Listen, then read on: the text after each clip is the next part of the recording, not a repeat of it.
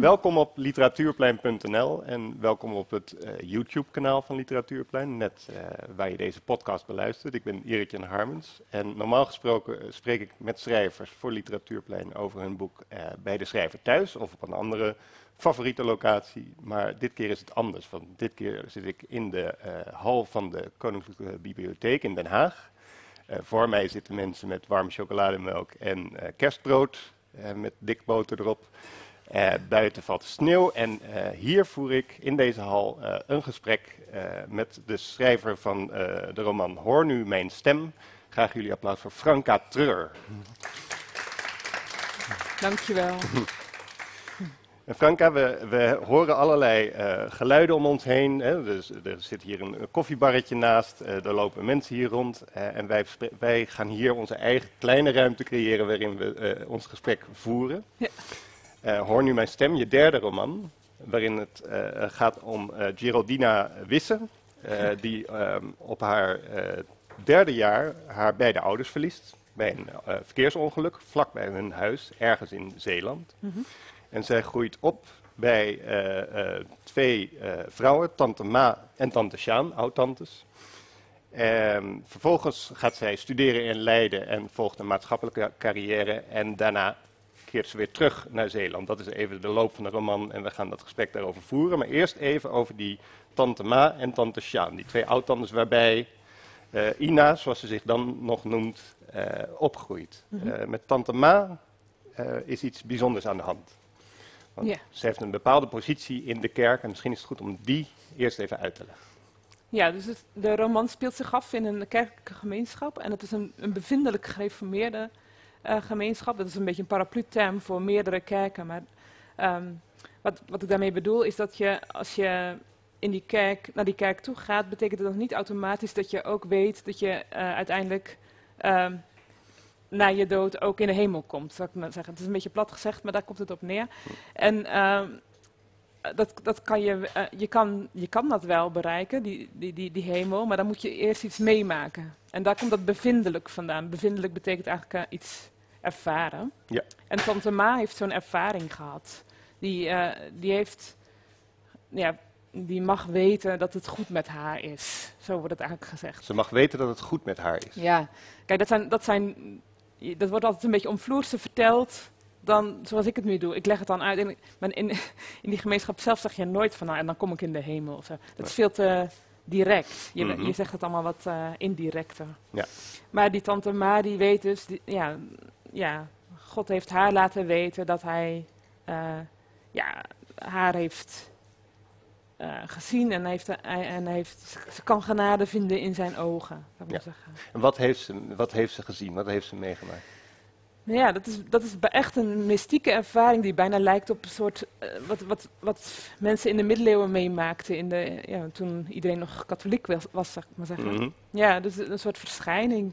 En um, ja, dat, ja, dat leg ik uit in het boek hoe dat er precies aan toe gaat. Maar dat, het, het hoeft niet altijd zo te zijn zoals Tante Maat meemaakt met een, bijna een letterlijk zien van Jezus. Dat zag, ze, ze zag hem heel erg dichtbij. Maar sommige mensen maken het weer op een heel andere manier mee. Mm -hmm. ja. ja. Die verhalen die gaan ook al. Soms is het ook heel erg met Bijbelteksten. Dus dat je. Ja, dan wordt gezegd, dan word je bepaald bij een bepaalde tekst. En die, die spreekt dan tot je. Ja. En is het zo dat um, um, Jezus of uh, God besluit van dat we, we hebben die uitgekozen, we gaan ons aan die persoon aandienen? Werkt dat op die manier? Ja, ja dus het, het gaat over de uitverkiezing. God weet van tevoren al van alle mensen wie die uh, zal verkiezen en wie die verdoemt. Dus, um, wie die zal verkiezen en wie die verdoemt. Ja, dus een dubbele predestinatie is dat eigenlijk. Dus, dus hij, God weet het gewoon van tevoren al in die in die visie, zou ik maar ja. zeggen. Ja. Ja. ja. En Tante Ma, die is uitgekozen. Ja. En Ina wil natuurlijk ook uitgekozen worden. Ja. Ik bedoel, iedereen wil dat in die gemeenschap. En dus is mens, zijn mensen ook heel gretig om tekenen zodanig te interpreteren dat het misschien wel lijkt op een soort erv ja, bevindelijke ervaring, een bekering. Hm. Want um, ja, dan, dan hoor je er ook bij. En dat wil natuurlijk iedereen. Dus uh, je, ben, ja, je, als er dan iets gebeurt, of als je een bepaalde tekst leest, dan ben je ook wel heel erg gespitst op van, oh, zou dat misschien God zijn? Die zich aan mij aandient. Ja. ja. ja. Want je kan ook, ik praat even vrij uit, hè, dus je moet even zeggen als ik iets oneerbiedigs zeg, maar je kan, eh, eh, je kan ook doen alsof Jezus zich aan je aandient. Ja, dat kan.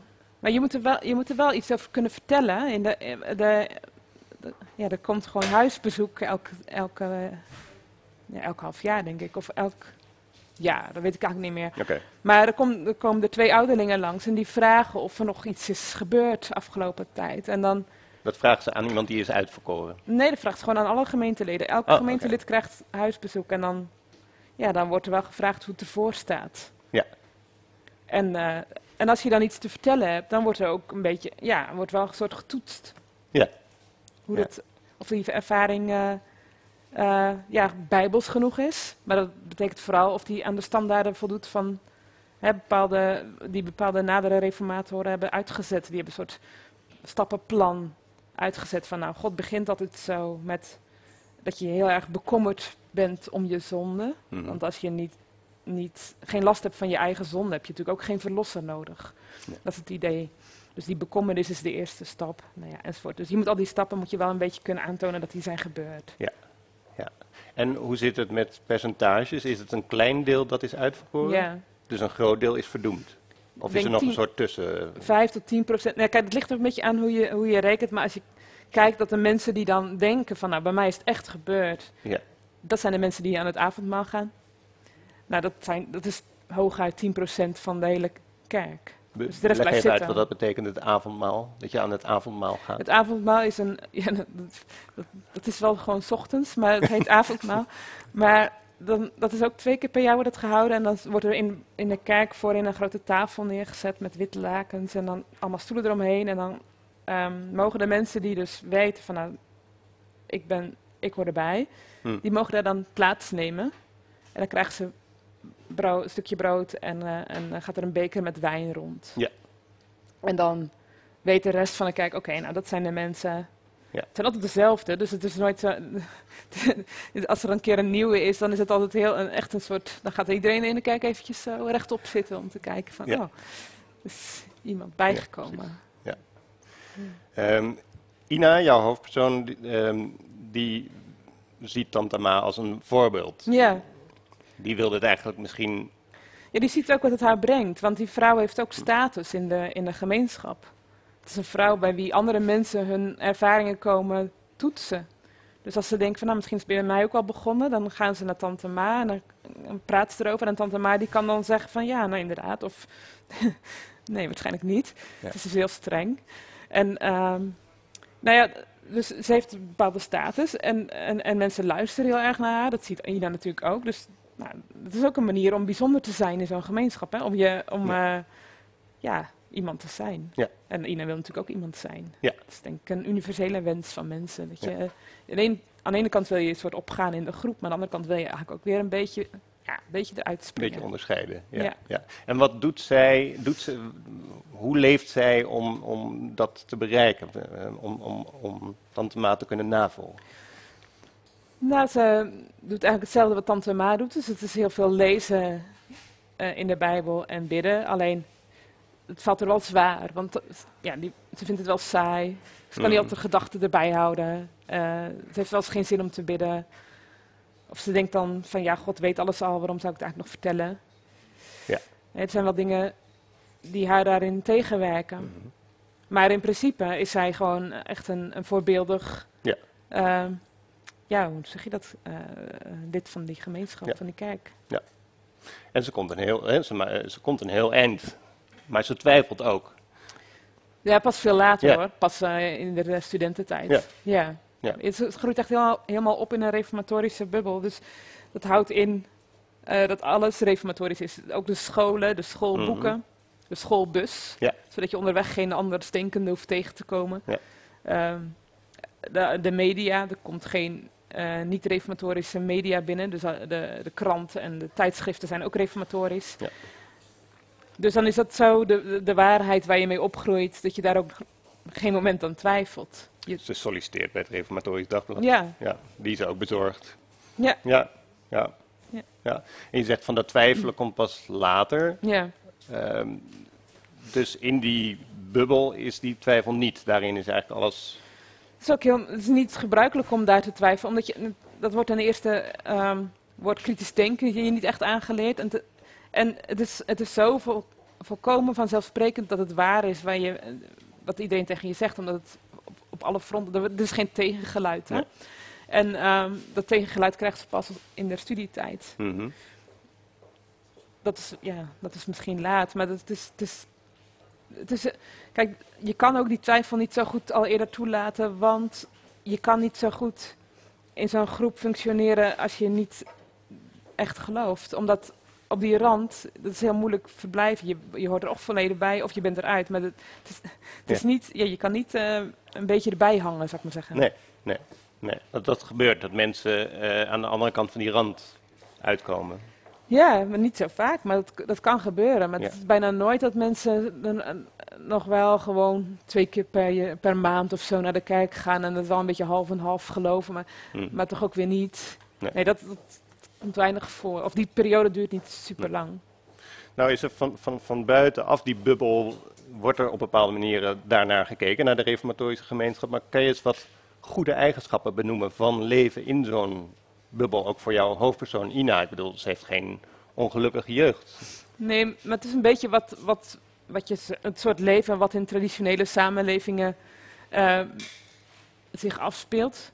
Kijk, wij leven natuurlijk in een heel moderne wereld, heel geïndividualiseerd. En, en, wij maken, ehm, ja, hoe zeg je dat? In, in, in zo'n gemeenschap is het gewoon heel veel logischer dat je veel eh, met elkaar deelt. Veel, en dat je daardoor ook, daar ook veel van terugkrijgt. Dus Mhm. er er is veel wederzijdse hulp.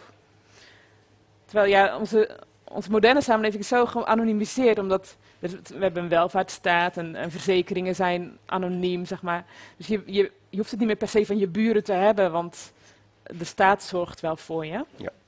En dat werkt op allerlei fronten. Maar ja, vroeger was het natuurlijk niet zo. En in, in dat soort gemeenschappen i- is verzekeren was ook heel lang ook een beetje uit de boze. Dat mocht eigenlijk niet.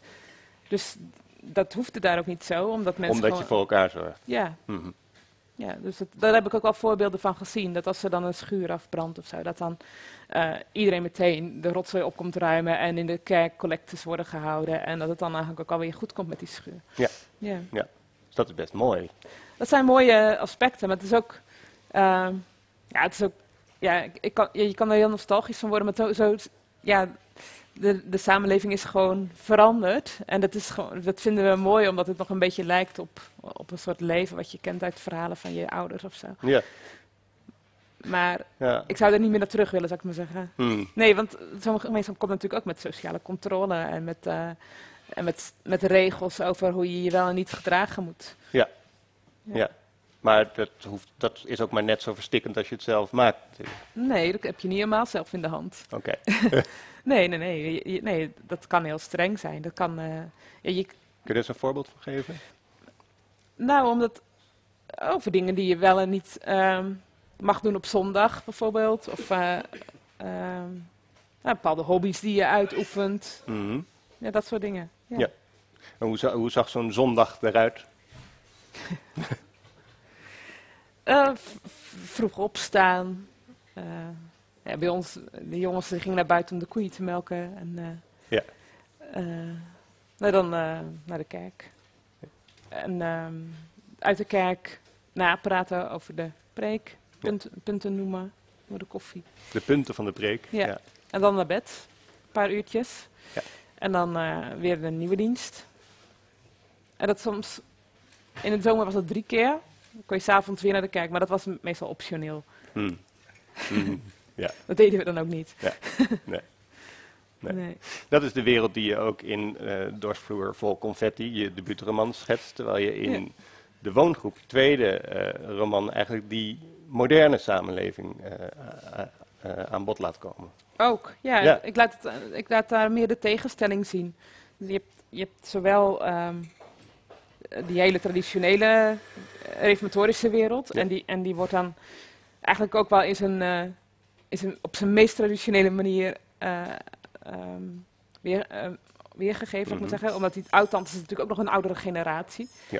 Want ook refos hebben tegenwoordig internet. Dus het, het is natuurlijk zo ouderwets als het in het boek eraan toe gaat, zo, zo groeien de meeste refo's nu niet meer op Nee. natuurlijk. Dat is een, dat is, eh, echt, het is een andere tijd. Maar ook nog ja, een extra oude, ehm, ouderwetse manier van leven, omdat die tantes al wat ouder zijn. Ja. Ja. En daarnaast de moderne samenleving, ja, die, waar eh, Gina later in terechtkomt. Precies. Ja. Want eh, Ina wordt uiteindelijk Gina, maar Ina gaat studeren in eh, Leiden, Mhm. psychologie. Ehm, zit daar eerst nog in een soort van reformatorische bubbel. Mhm. Ehm, maar hoe ontwikkelt, hoe, hoe, hoe, hoe gaat het vanaf daar? Want ze zit dan buiten die bubbel, ze zit dan in, eh, ze heeft onder andere les van een professor eh, die de grote vraag schetst, eh, schiep God de mens Mhm. of schiep de mens God? Ja. Ja, dus Er komt een hele hoop afleiding eigenlijk, of niet? Ja, dus ja, dat, daar gaat de wereld open en komen er andere ideeën binnen natuurlijk. En dat is, dat is in het begin heel verwarrend. En eh, op een duur is die verwarring zo'n vervelende positie dat je op een gegeven moment denkt van ik moet andere keuzes maken om, eh, om daar een einde aan te maken. Ja. En eh, ja, dat doet zij na een hele tijd van twijfel, omdat het ook best wel sociale gevolgen heeft. Ja, dus de, in mijn geval was het ook zo. Ik zat op die studentenvereniging met allemaal reformatorische studenten en ik vond daar eigenlijk wel leuk. Ja. Maar ik had ook het gevoel, ja, ik geloof eigenlijk niet meer op de manier zoals hier geloofd wordt. En als je ouderejaars bent, ben je altijd degene die, die een bijbelkring leidt of een studiekring leidt. En dan moet je voorgaan in gebed en zo. Hm. Het voelde op een gegeven moment heel hypocriet om dat nog te doen. Dus, Omdat je van binnen al iets anders aan het voelen Ja. was. ja, en Wanneer begon dat? nou, al, ik denk in mijn derde jaar of zo. Maar Je derde jaar dat je studeerde? ja, Maar kwam dat op een dag opeens zo op? Nee, dat gaat heel geleidelijk. Maar allerlei dingen spelen mee. Gesprekken met mensen, maar ook dingen die je leest, colleges die je volgt. En, ehm, ja, je, je, een, twijfel, als je twijfel bij jezelf voelt, dan wil je daar niet meteen aan toegeven. Want dat is ook heel ongemakkelijk en ook lastig. En, en, en je wil. ehm, eh, ja, je, je kan het ook bijna niet geloven. Je kan bijna niet geloven in een wereld die, die niet bestuurd wordt door God. Omdat je, omdat het zit zo in je dat het zo is. Dat het, eh, ja, dat, dat is gewoon een hele rare gedachte eerst. Nou ja, je schrijft zelf en je leeft eigenlijk je leven alsof, je, ja, alsof er een soort camera vanuit de lucht op je gericht is en al Ja. je bewegingen registreert. Ja. Ja, het is ook, je wordt heel zelfbewust van. Want je, Ja. Je hebt het gevoel dat alles ertoe doet. Hè? Alle- Alles, terwijl- ja. Ik vind dat wel een, geruststelling, of een geruststellende gedachte nadien, nadat ik dat niet meer geloof. Dat, dat, het is allemaal niet zo belangrijk wat je doet. Nee. Het, is allemaal, het wordt niet allemaal zo in de gaten gehouden. Het wordt niet geregistreerd. En het is ook niet zo dat, dat elke, elke slechte gedachte ertoe doet. Ja, je wordt er zelf misschien niet beter van, maar verder heeft er niemand last van. Oh, dus het was niet alleen zo dat de camera vanuit de lucht registreerde wat je deed, maar ook registreerde wat je dacht en voelde. Ja, God kan ook je gedachten lezen. Ja. Weet ook precies hoeveel, ha- hoeveel haren je op je hoofd hebt. En, Ja. ja. Ja. Ja, maar dat is, het is wel echt een, een opluchting als je daar niet meer in gelooft. Maar dat zijn verschillende stadia, want je hebt dan twijfel, dat kwam dus hè, zo rond je derde jaar.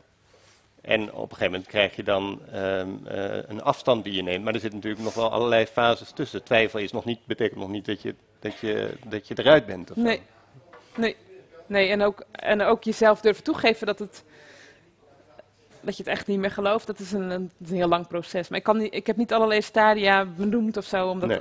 eh, maar, maar het duurde lang, een paar jaar. Ja. Ja. Gina komt terecht in de wereld van eh, eh, de radio en uiteindelijk ook de televisie. Ehm, zij wordt eh, succesvol radio-interviewer bij een programma dat zou kunnen lijken op iets als kunststof of zo'n soort programma. Hè? Ze, ehm, en ze doet dus op televisie iets raars, want ze- nou, dat mogen we wel verklappen, dat ze iets met haar haar doet. Hè? Dat, dat, dat, Ja, ze doet mee aan een, een tv-programma waarin eh, vrouwen worden opgeroepen om hun haar te doneren voor andere vrouwen die kanker hebben en daardoor hun haar zijn kwijtgeraakt. En dan kun je je haar doneren om daar pruiken van te maken. Ja. Dus het is in principe het goede doel. Alleen zij, zij doet daar niet aan mee zozeer vanwege dat goede doel, maar als wel omdat ehm, eh, een, paar maanden eerder haar vriend is kwijtgeraakt en ehm, ze, ze kan geen contact meer met hem krijgen. Hij reageert nergens op. En ze heeft het gevoel dat als ik, als ik nu meedoe aan dit tv-programma en me daar heel kwetsbaar laat zien. Dus zonder mijn haar. Het- en zij heeft heel mooi haar. Dat is eigenlijk het mooiste wat zij heeft. En dat speelde ook een rol in, de- in de manier waarop ze eh, ehm, een relatie kreeg. Was het haar ook. Ja, dat had het, het speelde een rol. Mhm. En, eh, Dat houden we open. Ja. ja, ja. en, eh, en ze heeft dan het gevoel van, nou, als, ik, als ik dan laat zien dat, dat, ik, dat ik het ervoor over heb om, om mijn haar af te knippen, dat, het- het- zover ben ik bereid te gaan, eh, dan komt hij misschien wel bij me terug. Want heeft het gevoel dat het een soort offer is dat ze brengt. Alleen, Ja. ja, een offer wordt in een niet-christelijke context niet altijd als offer herkend.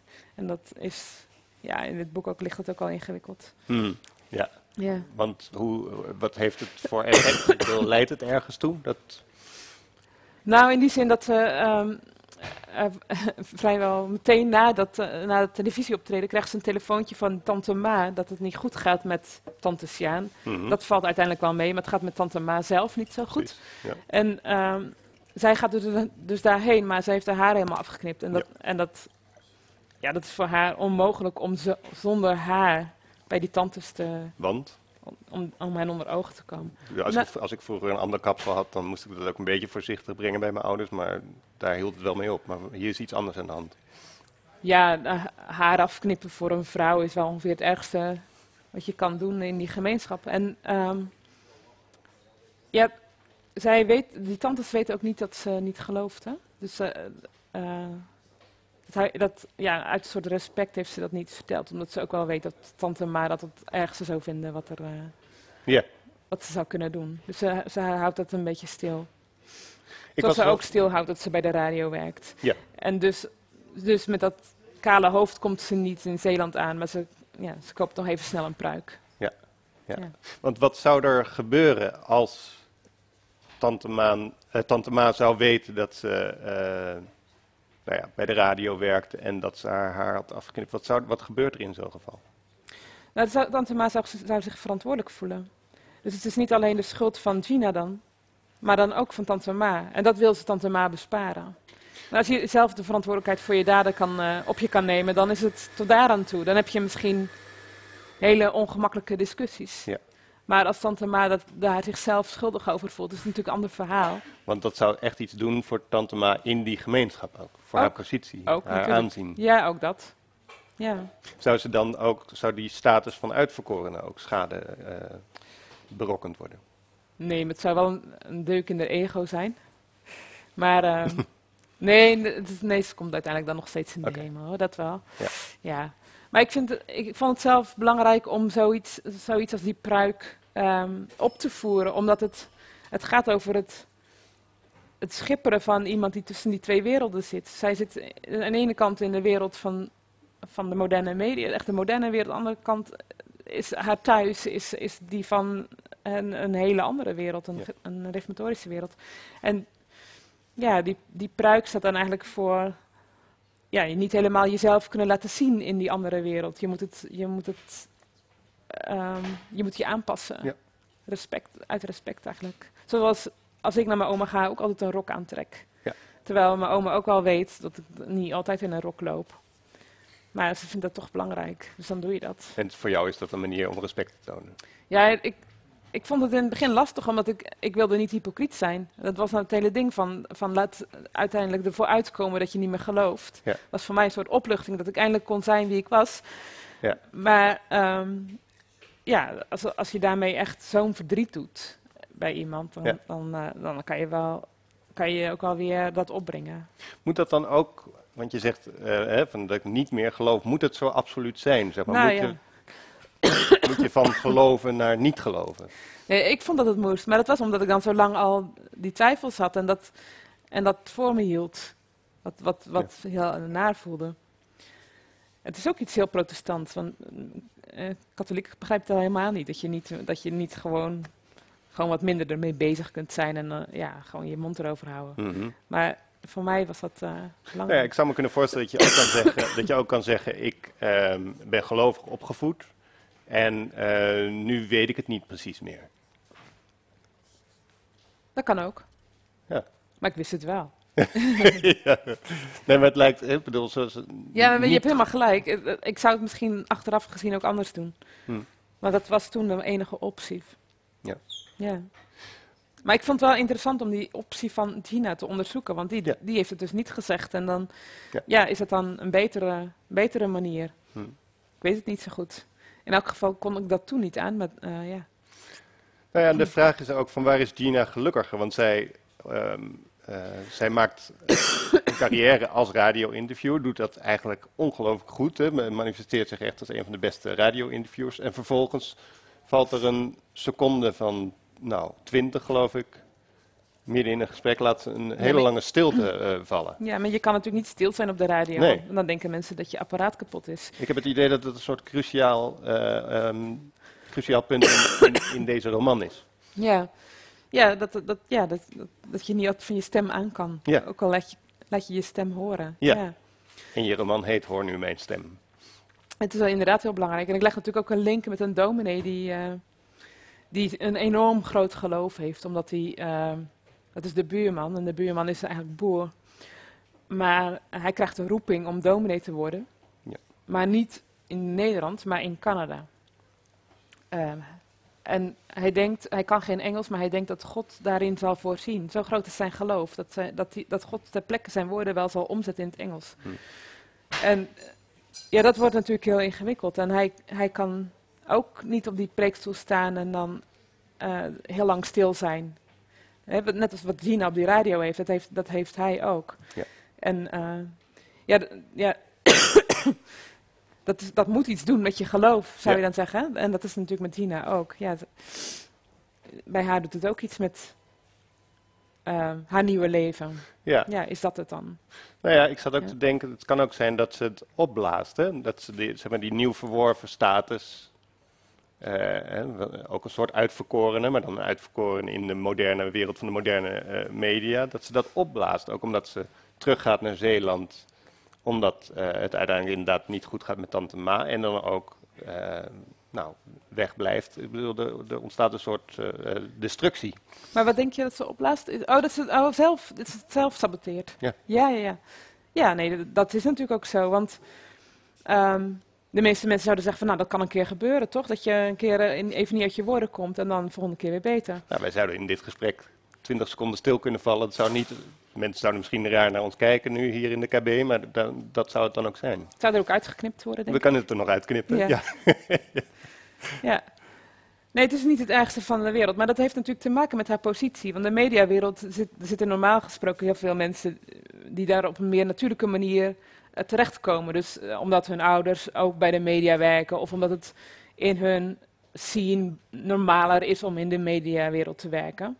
En, en zij is de buitenstaande. Ja. En zij heeft niet het gevoel dat dat haar natuurlijke plek is, maar dat ze alleen daar, daar kan werken omdat ze de beste is in haar vak.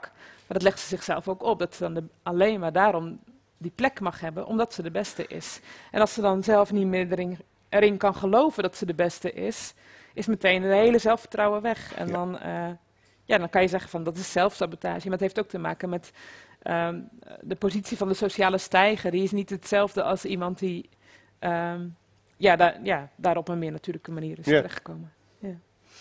Eh, en is dat ook een vraag die je stelt, of je dus op die manier eh, uit één wereld kan stappen en dan echt volledig opgenomen kan worden in een andere wereld? Dat is wel een van de vragen in het boek. En ik denk niet dat, dat, dat, dat, dat ik die beantwoord of zo in het algemeen. Maar het is wel zo dat ik, dat ik denk dat. We moeten niet denken dat iedereen dezelfde positie kan bereiken. Een milieu, eh, afkomst maakt wel uit. En wij verwachten bijvoorbeeld van migranten ook heel erg dat ze zich zo aanpassen dat ze volledig opgaan in, in onze samenleving. En dat ze eh, eigenlijk hetzelfde kunnen bereiken als wat. Maar dat vraag je best wel veel. Want er is, er is echt een enorme ehm, cultuurachterstand. Ja. En om dat dan in één leven eh, allemaal te overbruggen, dat, daar heeft de samenleving heel lang over gedaan. Ja. En het kan wel, je kan het in één leven doen, omdat de samenleving al verder is. En dan omdat er eh, ja, in, onze, in onze samenleving al best wel veel verworvenheden zijn die, waar je dan van kan profiteren. Dus in mijn geval bijvoorbeeld was het al normaal voor meisjes om te mogen studeren. Dus ik kon al, dat kon ik al vrij snel doen. En, en het proce- proces van secularisering, daar was de samenleving ook al doorheen gegaan. Hm. Dus daarom was het voor mij ook makkelijker om, dat, om diezelfde weg af te leggen. Ja. Dus daarom daarom kan het in één leven. Maar het is niet gezegd dat je het iedereen, ehm, dat je het van iedereen zomaar kan vragen. Denk ik.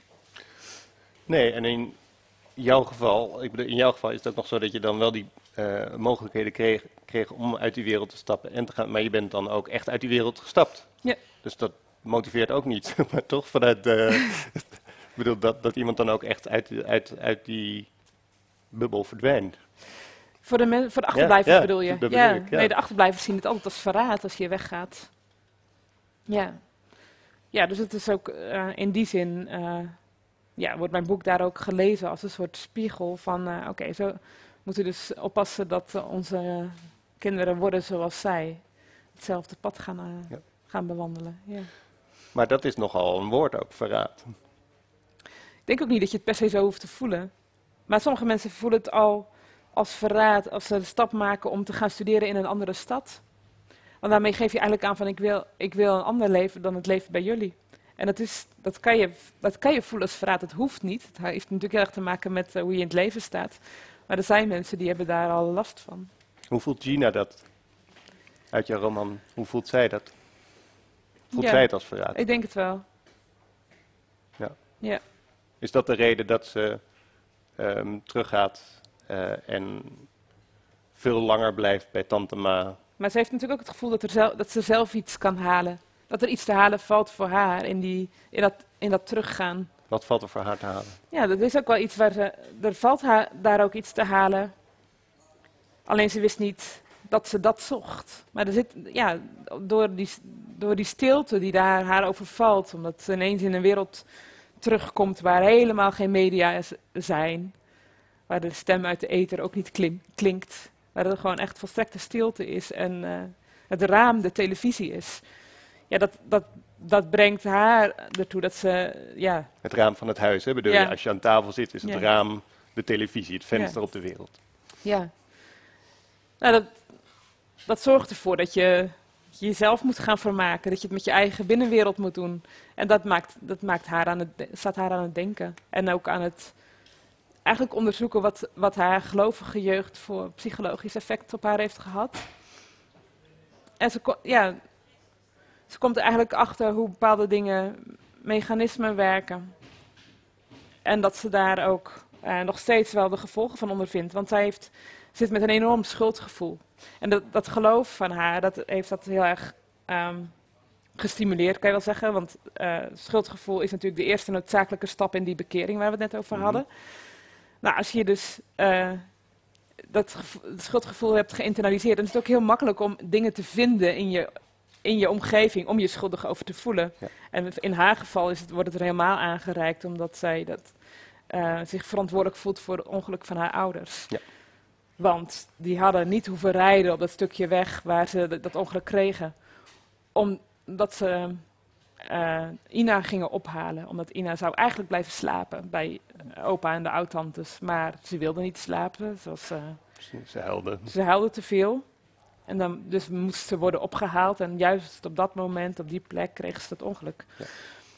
Dus haar stem is gehoord, zou je kunnen zeggen, op zeer jonge leeftijd. Ja, ja, Met- je gevolg van. de- ja, dus ze voelt zich eigenlijk altijd iemand die zich aanstelt op de verkeerde momenten. En, eh, en daardoor heeft ze een enorm schuldgevoel wat ze bij zich draagt. En dat verdwijnt niet als, als ze niet meer gelovig is. Nee. En eigenlijk pas door het moment dat ze daar zo in die stilte zit en met tante Ma bezig is, eh, fysiek werk aan het doen is, tante Ma aan het verzorgen is, maar ook het huishouden runt, wat er nogal achterstand had opgelopen ja, komt ze eigenlijk zelf ook een beetje met zichzelf in het reinen. En ervaart ze uiteindelijk een soort verlossing. Ik ga het niet verklappen, want het is wel echt het einde van het boek. ja. Maar eh, ja, iets waarvan ze eigenlijk helemaal niet wist dat ze het, dat ze het zocht. Ja. In Den Haag spraken wij eh, met Franka Treur over de roman Hoor nu mijn stem, haar derde roman. Die is eh, eh, te koop en die is te leen en gaat het allemaal eh, lezen. Ehm, dit was eh, de podcast op Literatuurplein en op het YouTube-kanaal van Literatuurplein. En we deden dit keer dus live in de hal van de Koninklijke Bibliotheek. En om dat te bewijzen geven we allemaal nog één applaus aan de auteur Franka Treur. Dankjewel. Dank u